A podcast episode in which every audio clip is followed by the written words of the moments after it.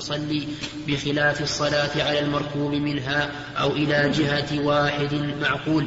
وسيأتي بقية الكلام على حديث ابن عمر في أبواب سترة المصلي إن شاء الله تعالى.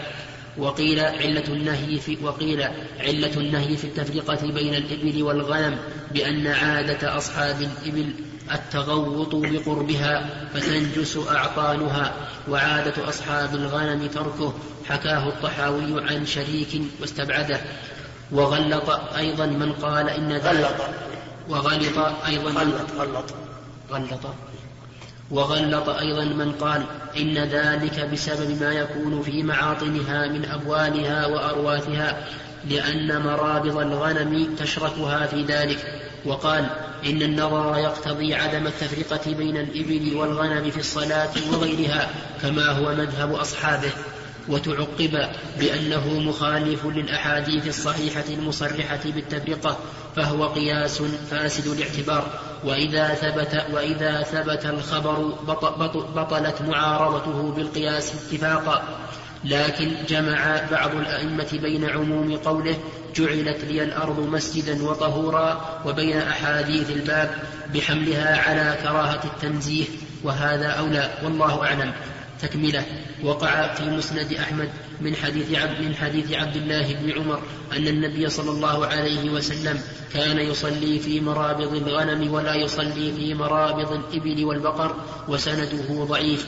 فلو ثبت لأفاد أن حكم البقر حكم الإبل بخلاف ما ذكره ابن المنذر أن البقر في ذلك كالغنم. الصواب أن البقر كالغنم. وأنه يجوز أن يصلي الإنسان في مرابطها وفي مراحلها بخلاف الإبل. وليس الحكمة ما ذكره بعض العلماء أن الإبل في العادة يكون صاحبها يقضي حاجته حولها ليستتر بها. بل العلة في أنها خلقت من الشياطين. وإذا خلقت إذا خلقت من الشياطين صار مراقبة الذي تبيت فيه وتأوي إليه ممنوعا من الشياطين وقد ذهب بعض العلماء إلى أن العلة تعبدية وأننا لا ندري ما هو السبب. فالله أعلم. نعم.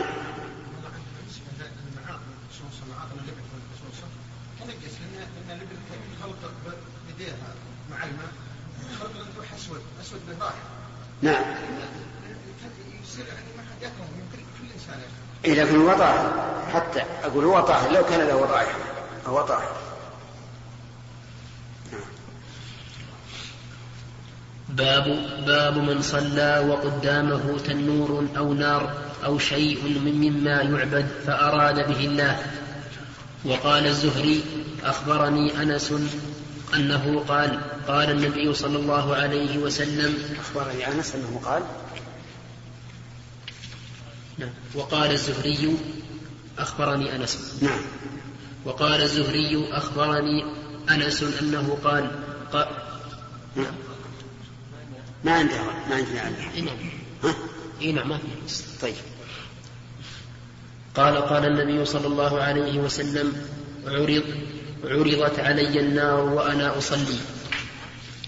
حدثنا عبد الله حدثنا عبد الله بن مسلمة عن مالك عن زيد بن أسلم عن عطاء بن يسار عن عبد الله بن عباس أنه قال انخسفت الشمس فصلى رسول الله صلى الله عليه وسلم ثم قال أريت النار فلم أر منظرا كاليوم قط أفظع. والظاهر أنه أريها وهي قدامه لأنه عليه الصلاة والسلام تأخر خوفا من دفعها وهذا يدل على أنها أمامه. ولكن يمكن أن يعارض هذا هذا الاستدلال بما ذكرنا قبل قليل أن أحوال الآخرة لا تقاس بأحوال الدنيا. فالنار التي رآها أمامه وبين يديه وتأخر خوفا من دفعها ليست ليست حقيقة في ذلك المكان. لأن لو كان موجودا في ذلك المكان حقيقة لاحترق المكان واحترق من حولها أيضا. فأحوال الآخرة لا تقاس بأحوال الدنيا. ولكن يقال إن الاتجاه إلى ما يعبد من دون الله أدنى ما فيه أنه مشابهة في الظاهر لمن؟ للكفار والمشركين في العبادة فأدنى ما يقال فيه إنه مكروه ولكن يبقى النظر الآن أمامنا آه، الكهرباء فهل يدخل في ذلك وأننا لا نصلي إلى لمبة في الكهرباء أو يقال إن هذا ليس كالنار التي تعبد من دون الله الظاهر أن الثاني أقرب. وكذلك ما يفعله بعض الناس من إحضار المباخر ثم يضعونها أمامهم. هذا أيضا لا بأس به. وكذلك ما يفعله بعض الناس في أيام الشتاء من وضع الطفايات أمام أمام المصلين. فكل هذا لا بأس به. لأن المعروف أن المجوس يعبدون النار حينما يوقدونها يوقدونها بالحطب حتى يكون لها جرم ولها فالله أعلم. لكن ما ذكرناه أولا ليس فيه بأس كله ليس فيه بأس. نعم. شيخ هل هل الكهرباء تعد نارا؟ ويتفرع عنه سؤال هل هذا الذي يعلق ليقتل أي. هي لا شك أنها نار. نار. إيه هي حاره هي حارة. هنا نعم. لكنها نار خفيفة.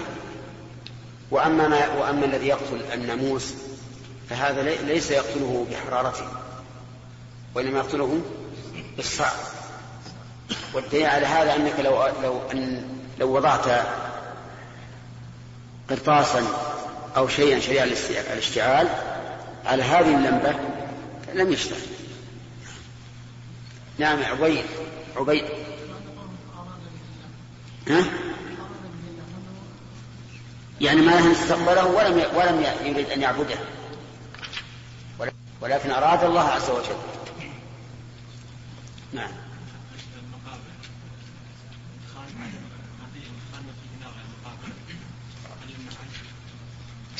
لا بأس. ما في مانع.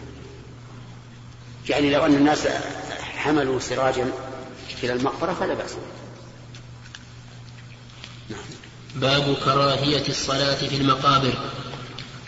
حدثنا مسدد قال حدثنا يحيى عن عن عبيد الله قال أخبرني نافع عن ابن عمر عن النبي صلى الله عليه وسلم. أحسن أن تقرن قال بما بعده لأنه مقول مقول القول.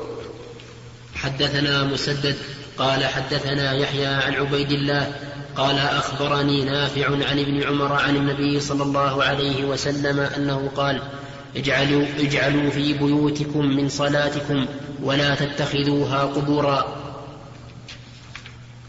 الشيخ يقول ولا تتخذوها قبورا فإن هذا يدل على أن القبور لا يصلى فيها وأنه أمر معلوم. وفي قوله اجعلوا في بيوتكم من صلاتكم ما الذي يجعل من صلاتنا في البيوت؟ النوافل.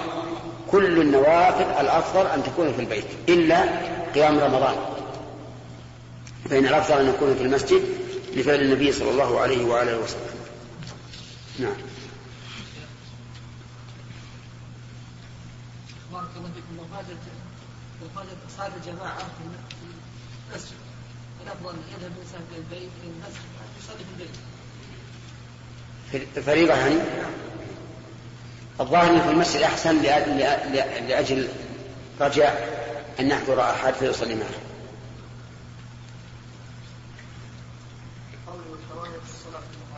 نعم. لكراهة التحريم. الكراهة عند المتقدمين للتحريم. فإذا سمعت مثلا عن الإمام أحمد أنه قال أكره كذا فما يحرمه. لكن يكره إطلاق لفظ التحريم إلا فيما ثبت إلا فيما ثبت به النص. التحريم.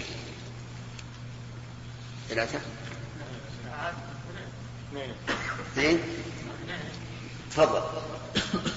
كان الإنسان مثلا مأموم وهناك مثلا رواتب قبلية فلو جلس يصليها في البيت ربما فاته الصف الأول. فهل يكون له هذا الأفضل ولا مثلا يأتي لكي يأخذ الصف الأول؟ نعم. الأفضل أن يصلي في بيته لأن هذه السنة سابقة على اختيار الصف الأول. فيبدأ بالأول فالأول. باب الصلاة في مواضع الخسف والعذاب. ويذكر أن عليا رضي الله عنه كره الصلاة بخسف باب. حدثنا حدثنا إسماعيل بن عبد الله قال حدثني مالك عن عبد الله بن دينار عن عبد الله بن عمر عن عبد الله بن عمر رضي الله عنهما أن رسول الله صلى الله عليه وسلم قال لا تدخلوا على هؤلاء المعذبين إلا أن تكونوا باكين فإن لم تكونوا باكين فلا تدخلوا عليهم لا يصيبكم ما أصابهم. نعم الصلاة في مواضع العذاب مكروهة لأن الإنسان لا يدخل مواضع العذاب إلا وهو يبكي. ومعلوم أن الإنسان ليس قائما يبكي في صلاته. ولهذا نهى النبي صلى الله عليه وسلم أن ندخل على هؤلاء المعذبين إلا أن تكونوا باكين. وفي هذا دليل على سفه أولئك القوم الذين يذهبون الآن إلى مدائن صالح من أجل الاطلاع عليها والتفرج عليها. فإن هذا مخالف لنهي النبي صلى الله عليه وعلى آله وسلم وقد مر هو صلى الله عليه وعلى آله وسلم بديار ثمود فقنع رأسه. هكذا. ثم أسرع المشي. فما فما بالكم الآن بأناس ربما يتخذون مساكن مساكن هناك من أجل السياح نقول هذا غلط. ولا ينبغي إطلاقا أن تعزز السياحة إلى هذه الأماكن لأن هذا مصادمة صريحة لنهي النبي صلى الله عليه وعلى آله وسلم. فإن قال قائل أليس الله يقول وسكنتم في مساكن الذين ظلموا أنفسهم وتبين لكم كيف فعلنا بهم وضربنا لكم الأمثال؟ قلنا هذا لا هذا بيان الواقع وإقامة الحجة عليهم وأنه وأن الذين عذبوا لم يكونوا بعيدين منهم بل هم قد سكنوا في مساكنهم. نعم.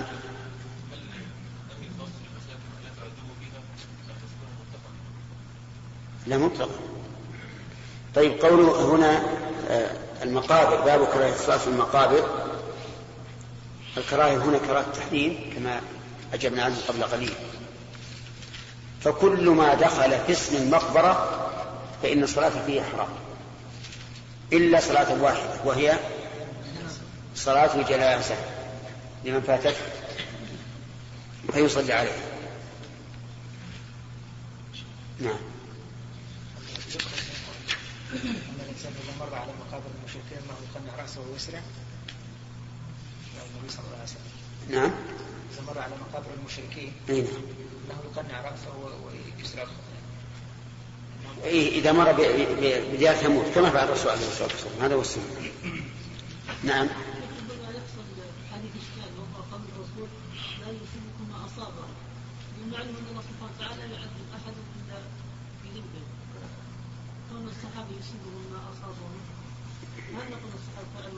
يجب إذا ورد عليك مثل هذه الكلمة أو هذه الجملة أن تنزلها على القواعد الشرعية. يعني أنه ربما يعذبهم الله عز وجل حين مروا بهذه الأماكن وكأنه وكأنها نزهة. وهذا غلط. أو يقال أنه ربما يسلب الإنسان الإيمان حتى يكفر فيصيبه ما أصابه الخسوفات التي حصلت في ايامنا هذه. إيش؟ الخسوفات الزلازل اللي حصلت في في ايامنا هذه سنة أو سنتين. هل تدخل بعموم الخسف؟ وهل نقول أن هذا من عذاب الله؟ هو إذا كانت إذا كانت في قرية معروف أهلها بالظلم فهي من العذاب. وأما إذا كانت في, في نواحي بعيدة ما فيها سكان فلا. لكنها إنذار ثلاثة. باب الصلاة في البيعة وقال عمر رضي الله عنه إنا لا ندخل كنائسهم من أجل التماثيل التي فيها الصور وكان ابن عباس يصلي في البيعة إلا بيعة فيها تماثيل حدثنا محمد قال أخبرنا عبدة عن هشام عن هشام بن عروة عن أبيه عن عائشة أن أم سلمة ذكرت لرسول الله صلى الله عليه وسلم كنيسة رأتها بأرض الحبشة يقال لها مارية. فذكرت, فذكرت له ما رأت فيها من الصور. فقال رسول الله صلى الله عليه وسلم أولئك قوم إذا مات فيهم العبد الصالح أو الرجل الصالح بنوا على قبره مسجدا وصوروا فيه تلك الصور. أولئك شرار الخلق عند الله. البيعة قيل إنها معابد النصارى والكنائس معابد اليهود والكنائس معابد النصارى. والمساجد معابد المسلمين. ففي أثر عمر رضي الله عنه أنه امتنع من دخول الكنيسة من أجل التماثيل التي فيها الصور. وقد ثبت عن النبي صلى الله عليه وعلى آله وسلم أنه لما جاء إلى عائشة ووجد الصور في بيتها وقف وعرفت الكراهية في وجهه. وفهم من ذلك أيضا من حديث من اثر ابن عباس أنه لا بأس بدخول البيع والمساكن والكنائس ولا بأس بالصلاة فيها لكن يحمل على ما روي عن عمر وهو أن لا يكون فيها صور. نعم. الله.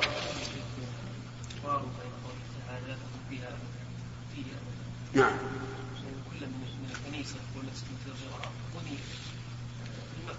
لا فرق بين هذا وهذا. مسجد الضرار قصد به عبادة الله وإضرار الآخر اتخذوا مسجدا ضرارا وكفرا وتفريقا بين المؤمنين وإصابة بالعدل ويصاب إلى من الله ورسوله. أما الكنائس فهذه هي متعبد النصارى ويقرون على دينهم. بالجزية إن كانت الغلبة لنا أو بالقوة إن كانت الغلبة لهم عبد الله. هنا أيضا عندنا حديث الرجل الذي نذر أن ينحر نعم. فسأله الرسول كان فيها عيد من أعياد الجاهلية كان فيها كذا كذا. نعم. فقال له لا. وظاهر الحديث أنه ليس فيها شيء موجود الآن. فقال أو نعم. وهنا مثلا في الكنائس إذا قلنا إذا ما فيها صور تجوز الصلاة فيها نعم. يعني أما كانت هذه مثلا معابد أصحابها الفرق بينهما. إنه الرسول أخبر بهذا لما كان الناس حديث عهد بالشرك فخاف أن أن يقع في قلبه شيء. إذا رأى الوثن الذي يعبد أو العيد اللي من اعيادهم أما إذا رسخ في القلب ولو ولم يحصل له فتنة كما هو موجود الآن الحمد لله فلا فلا يضر. نعم. قال لا تكون صاحب لأن صاحب لا يستطيع ان فلا خاليه إيه. هذا المراد نعم. خلاص؟ ما في سؤال بعد الصلاة؟ بسم الله الرحمن الرحيم. الحمد لله رب العالمين وصلى الله وسلم على عبده ورسوله نبينا محمد وعلى آله وصحبه أجمعين. قال الإمام أبو عبد الله البخاري رحمه الله تعالى في. أبو عبد الله البخاري رحمه الله تعالى في كتاب قال أنت. اقرأ. أعدها. قال الإمام أبو عبد الله البخاري. حرك حرك الياء البخاري. البخاري بالكسر. بالكسر؟ ليش؟ نسبة صفة لأبو. لكن ما تظهر. نعم. أقول آه، الضم الثقة ال- من أبو فاعل. بلى. والفاعل مرفوع. وص- وصفة المرفوع. مرفوع. إذا نعم. بخاري قال الإمام أبو عبد الله البخاري رحمه الله تعالى في كتاب في كتاب الصلاة من صحيحه باب حدثنا أبو اليمان. قال أخبرنا شعيب عن الزهري. قال أخبر سبق لنا أن البخاري إذا قال باب ولم يذكر ترجمة فهو بمنزلة الفصل في كتب الفقهاء. نعم. حدثنا وذكرنا أيضا أن الكتاب للجنس والباب ليش؟ للنوع والفصل للمسائل نعم حدثنا أبو اليمان قال أخبرنا شعيب عن الزهري قال أخبرنا عبيد الله أخبرنا عبيد الله بن عبد الله بن عتبة أن عائشة وعبد الله بن عباس قال لما نزل برسول الله صلى الله عليه وسلم طفق يطرح خبيث فيها نسختان لما نزل ولما نزل. أما على رواية لما نزل فإن نائب الفاعل قوله برسول الله. و- ونيابة الجار المشهور عن نائب الفاعل جائزة إذا لم يوجد الأصل. وأما لما نزل فالفاعل مستتر يعني الموت. لما نزل الموت برسول الله صلى الله عليه وسلم. نعم. لم لما لما نزل برسول الله صلى الله عليه وسلم طفق يطرح خميصة له على وجهه فإذا اغتم بها كشفها عن وجهه فقال فقال وهو كذلك لعنة الله على اليهود والنصارى اتخذوا قبور أنبيائهم مساجد يحذر ما صنعوا. وهذا دليل على أهمية التوحيد. وحمايته من الشرك حيث كان رسول الله صلى الله عليه وعلى آله وسلم يلعن اليهود والنصارى في تلك الحال وهو ينازعه الموت. يقول لعنة الله على اليهود والنصارى اتخذوا قبور أنبيائهم مساجد. وهل اليهود والنصارى مستحقون للعنة مطلقة أو لكونهم فعلوا ذلك اتخذوا قبور أنبيائهم مساجد. الظاهر أنهم مستحقون لذلك مطلقا وأنه يجوز أن يلعنهم الإنسان بدون ذكر أي سبب. فيقول لعنة الله على اليهود والنصارى. وأما اتخذوا قبور أنبياء مساجد فهو ذكر نوع من أفعالهم التي يستحقون عليها اللعنة. ولهذا قال الله تعالى في, في القرآن الكريم لعن الذين كفروا من بني إسرائيل على لسان داود وعيسى بن مريم ذلك بما عصوا وكانوا يعتدون كانوا لا يتناهون عن منكر فعلوه. نعم.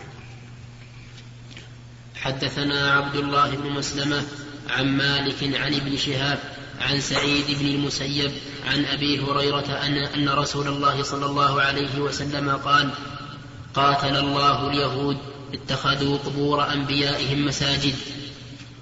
فسر بعض العلماء بل كثير من المفسرين يقول قاتل الله كذا مثل قاتلهم الله ان يكون قال قاتل بمعنى لعن وكأنه أخذه من هذا الحديث حيث عبر النبي صلى الله عليه وسلم مرة بقاتل ومرة بلعن والظاهر خلاف ذلك لأن قاتل يقصد بها ما يحصل من الآثار. ومعلوم أن من قاتل الله فهو إيش؟ فهو مهزوم مخذول. فيكون هذا أبلغ من قوله لعنة الله لأن اللعنة تدل على البعد من رحمة الله وهذه تدل على أنهم حرب لله وأنهم وأن الله يقاتلهم. نعم. أبي؟ قتل؟ لا. لا يسأل مثله. باب قول النبي صلى الله عليه وسلم جعلت لي الأرض مسجدا وطهورا.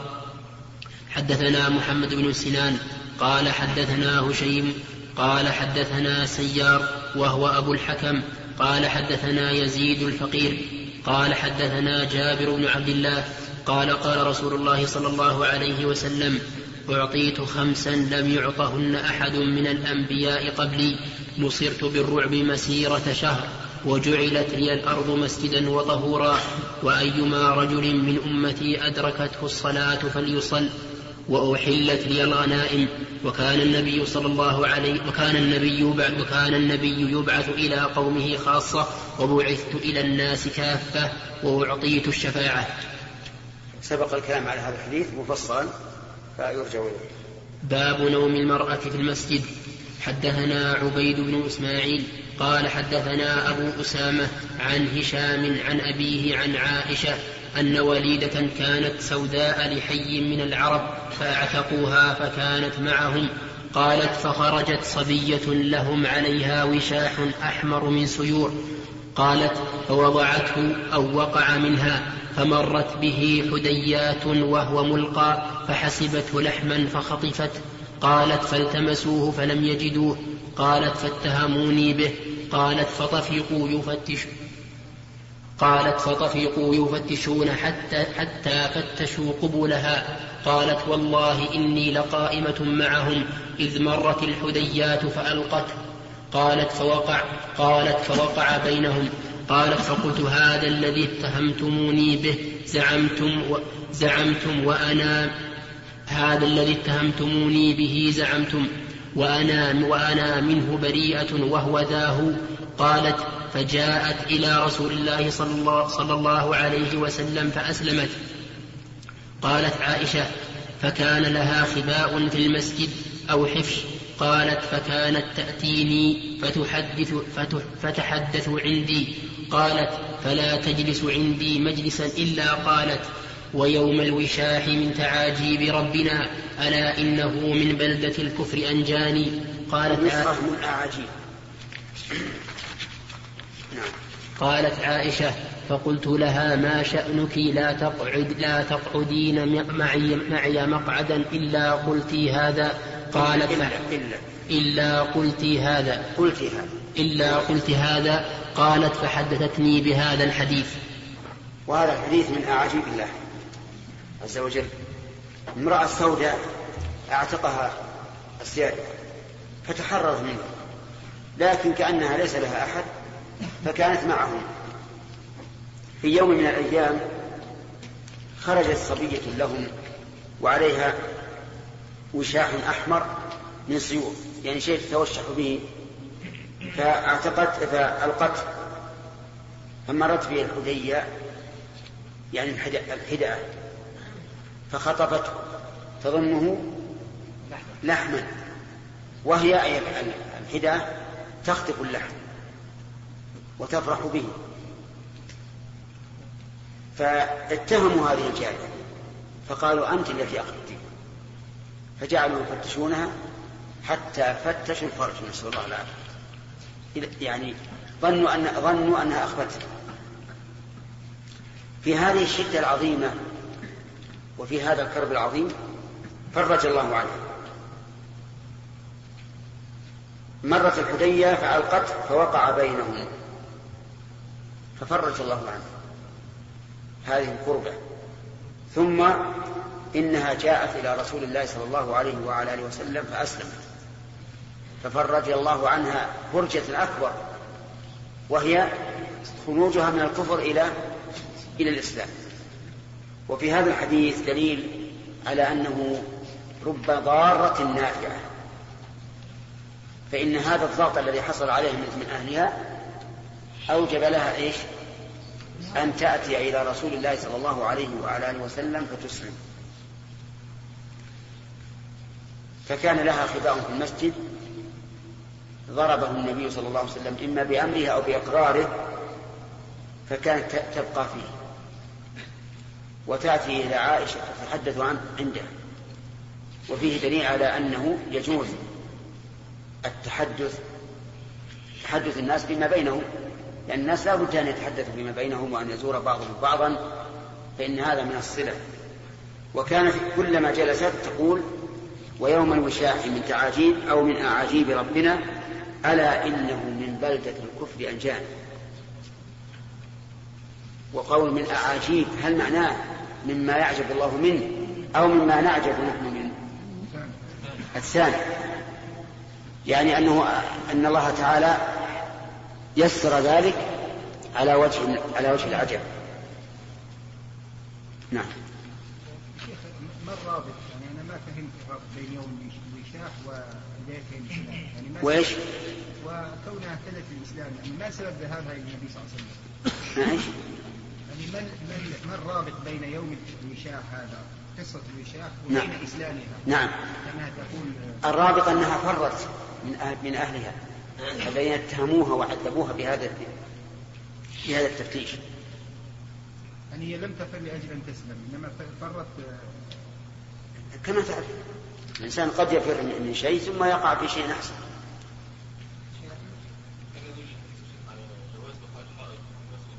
جواز إيش؟ نعم. وقد يدل ذلك لأن الغالب عن حائض الغالب عن المرأة تحيض وقد لا قد لا يدل. لأنها قد لا تحيضها المرأة إما لصغرها أو لغير ذلك. بن داود.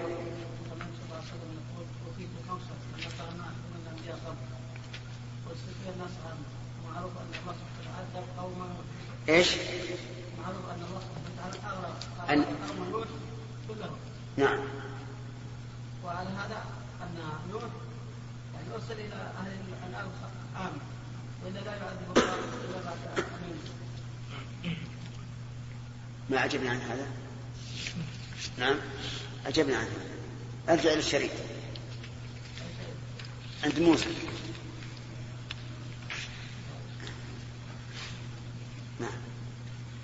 باب نوم الرجال في المسجد.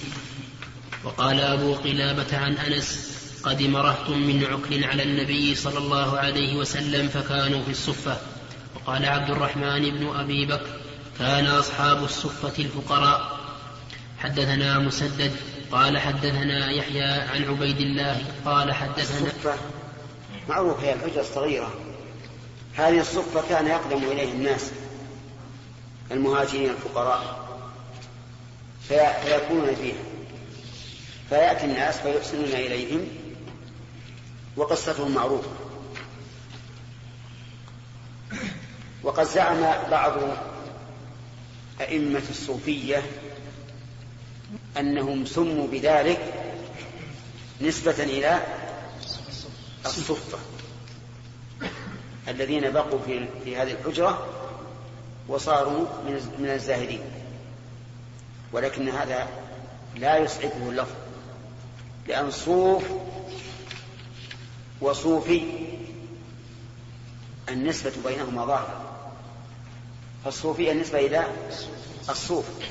ولو كان إلى الصفة لقيل الصوفية ولم يقل الصوفية. نعم. حدثنا مسدد. قال حدثنا يحيى عن عبيد الله قال حدثنا نافع قال قال حدثني نافع قال أخبرني عبد الله أنه كان ينام وهو شاب أعزب لا أهل له في مسجد النبي صلى الله عليه وسلم. من عبد الله؟ ابن عمر لأن نافع مولاه. نعم. حدثنا قتيبة بن سعيد قال حدثنا عبد العزيز عبد العزيز بن أبي حازم عن أبي حازم عن ليس هذا الحديث دليل على جواز نوم الرجل في المسجد. وهذا لا شك فيه إذا كان طارئا أو لحاجة.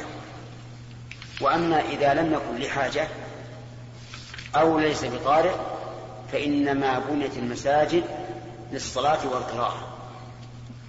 أما الحاجة فأن يكون رجل أعزب وليس له أهل في هذا المكان. فله أن يبيت في المسجد. وأما الطارئ فكما يفعله بعض الناس في أيام في أيام قيام رمضان. تجدهم إذا صلوا التراويح ناموا في المسجد للتهجد هؤلاء يمكنهم أن يذهبوا إلى أهلهم ويناموا عندهم ولكنهم يريدون أن يناموا هنا لأجل هذا الأمر الطارئ وهو التهجد نعم نعم نص من الضرائب يعني البلد يكون القانون يكون الذي يبني بيت مسجد تحت البيت ياخذ من الضرائب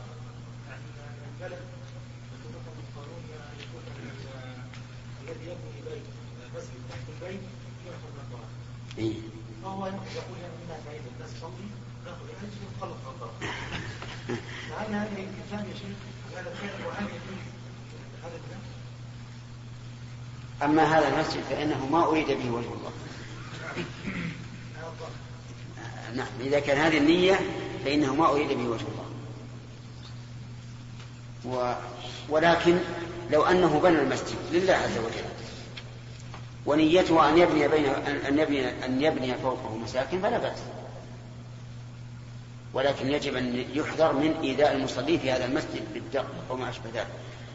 وأما إذا بناه لا على نية أن يبني فوقه بناء فإنه لا يجوز أن يحدث فوقه بناء. لماذا؟ لأن الهواء تابع للقرار فأنت إذا ملكت أرضا ملكت ما تحتها إلى الأرض السابعة وما فوقها إلى السماء. السابعة والدنيا. نعم إلى السماء الدنيا. تملك إلى السماء الدنيا. وعلى هذا يا محمد محجوب إذا مرت الطائرة من فوق حوشك فقل مهلا هذا حقي مملوك. نعم. عبيد؟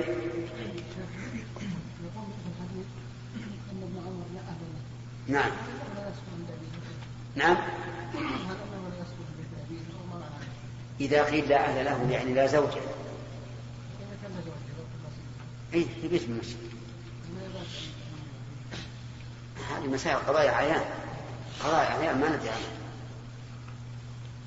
قد يكون البيت صغيرا أو ما أشبه بيت ابيه أو أو لسبب ما نعلم ما نعلم نعم. حدثنا قتيبة بن سعيد قال حدثنا عبد العزيز بن أبي حازم عن أبي حازم عن سهل بن سعد أنه قال جاء رسول الله صلى الله عليه وسلم بيت فاطمة فلم يجد عليا في البيت. فقال أين ابن عمك؟ قالت كان بيني وبينه شيء فغاضبني فخرج فلم يقل عندي. فقال رسول الله صلى الله عليه وسلم لإنسان انظر أين هو فجاء فقال يا رسول الله هو في المسجد راقد. فجاء رسول الله صلى الله عليه وسلم وهو مضطجع وهو مضطجع قد سقط رداؤه عن شقه وأصابه تراب. فجعل رسول الله صلى الله عليه وسلم يمسحه عنه ويقول قم أبا تراب قم أبا تراب. يقال إن أفضل كنية وأحب كنية إلى علي في هذه الكنية لأن النبي صلى الله عليه وسلم كناه بها فقال قم أبا تراب قم أبا تراب. وفي هذا دليل على ملاطفة من يكون بينك وبينه غضب أن تلاطفه حتى يزول غضبه وما في قلبه.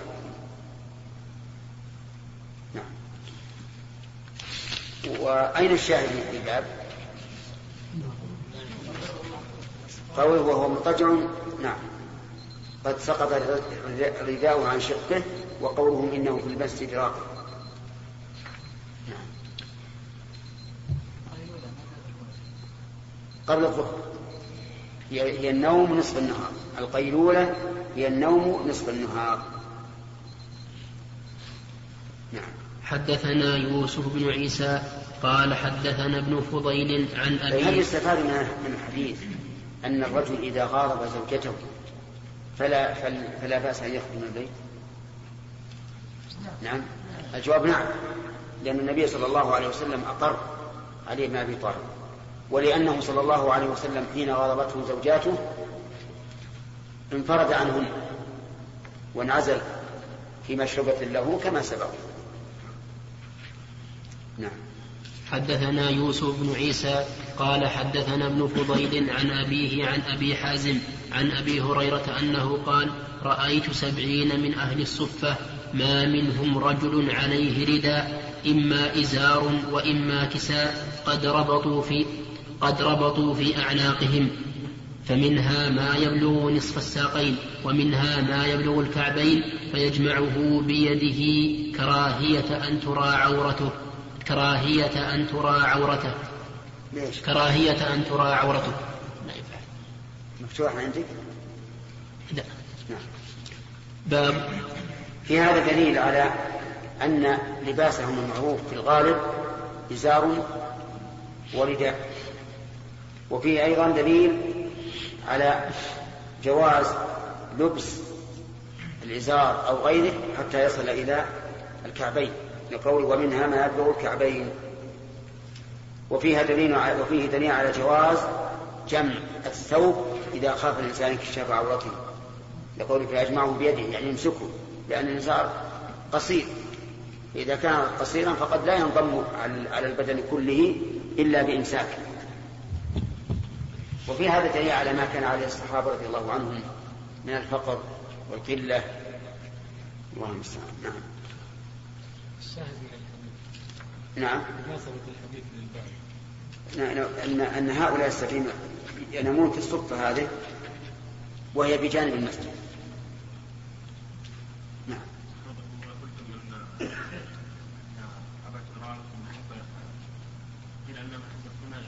نعم نعم ما نقول انها في حاله معينه من اصابته لا لا لا هذا معروف عن من يحب ان يمكن بهذا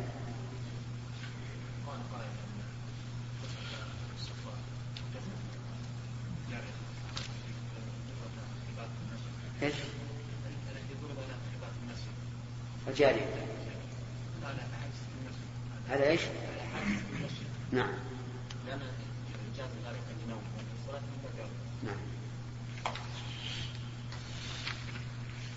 لكن هذا في طرف المسجد والناس لا يحتاجون والذين يتحجرون الآن يتحجرون في أي مكان؟ في مقدم المسجد. فنقول لا لا حجة. نحن لا نمنع أن الإنسان يكون في طرف المسجد ينام أو يتحجر مكان له في طرف المسجد لا يحتاج الناس إليه. نعم. ثلاثة. ثلاثة. نعم. باب الصلاة إذا قدم من سفر. وقال كعب بن مالك كان النبي صلى الله عليه وسلم إذا قدم من سفر بدأ بالمسجد فصلى فيه. حدثنا خلاد بن يحيى قال حدثنا مسعر قال حدثنا محارب محارب دثار عن جابر بن عبد الله أنه قال أتيت النبي صلى الله عليه وسلم وهو في المسجد. قال مسعر أراه قال ضحى. فقال صل ركعتين وكان لي عليه دين فقا وكان لي عليه دين فقضاني وزادني. في هذا الحديث فائدة حديثية وهي جواز اختصار الحديث والاقتصار على ما يراد منه. وقد مر علينا في النخبة أنه يجوز اختصار الحديث إذا كان إذا كان المختصر عالما. بالمعنى. طيب. ما هو ما سبب هذا الدين الذي كان لجابر على النبي عبد الله؟ إيش؟ كان ثمن جمل اشتراه النبي صلى الله عليه وعلى آله وسلم من جابر. وقصته مشهورة. كان رضي الله عنه مع النبي صلى الله عليه وعلى آله وسلم في سفر. وكان من عادة النبي صلى الله عليه وعلى آله وسلم أنه يكون في أخريات القوم يتفقدون. فلحق جابرا و فإذا معه جمل قد تعب وأعيا فأراد أن يسيبه ولكن النبي صلى الله عليه وعلى آله وسلم ضرب الجمل ودعا فزال عنه التعب. وصار من أنشط الجمال. حتى إنه كان يكون في مقدم القوم لولا أن جابرا يرده. فلما وصل إلى هذه الحال أو قبل أن يصل من حين بدأ بالإسراع طلب جابر من النبي صلى الله عليه وسلم طلب النبي صلى الله عليه وعلى آله وسلم من جابر أن يبيعه إياه ولكن جابرا أبى. فقال بهنيه فلما رأى النبي صلى الله عليه وعلى آله وسلم قد عزم على شرائه باع. ولكنه استثنى أن يركب عليه إلى المدينة فأعطاه النبي صلى الله عليه وسلم الشرط فلما قدم المدينة قال أتراني ما كستك لآخذ جملك؟ خذ جملك ودراهمك فهو لك. بل زاده عليه الصلاة والسلام. انتهى الوقت.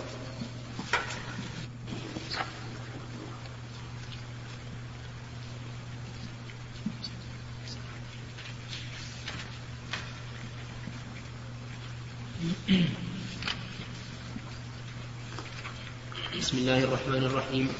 الحمد لله رب العالمين وصلى الله وسلم على عبده ورسوله نبينا محمد وعلى آله وصحابته أجمعين. قال الإمام أبو عبد الله البخاري رحمه قال الإمام أبو عبد الله البخاري رحمه الله تعالى في كتاب الصلاة من صحيحه باب إذا دخل المسجد فليركع ركعتين. حدثنا عبد الله بن يوسف قال أخبرنا مالك عن عامر بن عبد الله بن الزبير عن عمرو بن سليم عن عمرو بن سليم الزرقي عن أبي قتادة السلمي أن رسول الله صلى الله عليه وسلم قال إذا دخل أحدكم المسجد فليركع ركعتين قبل أن قبل أن يجلس. هذا الحديث روي على وجهين، الأول إذا دخل أحدهم المسجد فليركع ركعتين قبل أن يجلس، والثاني فلا يجلس حتى يصلي ركعتين. والمراد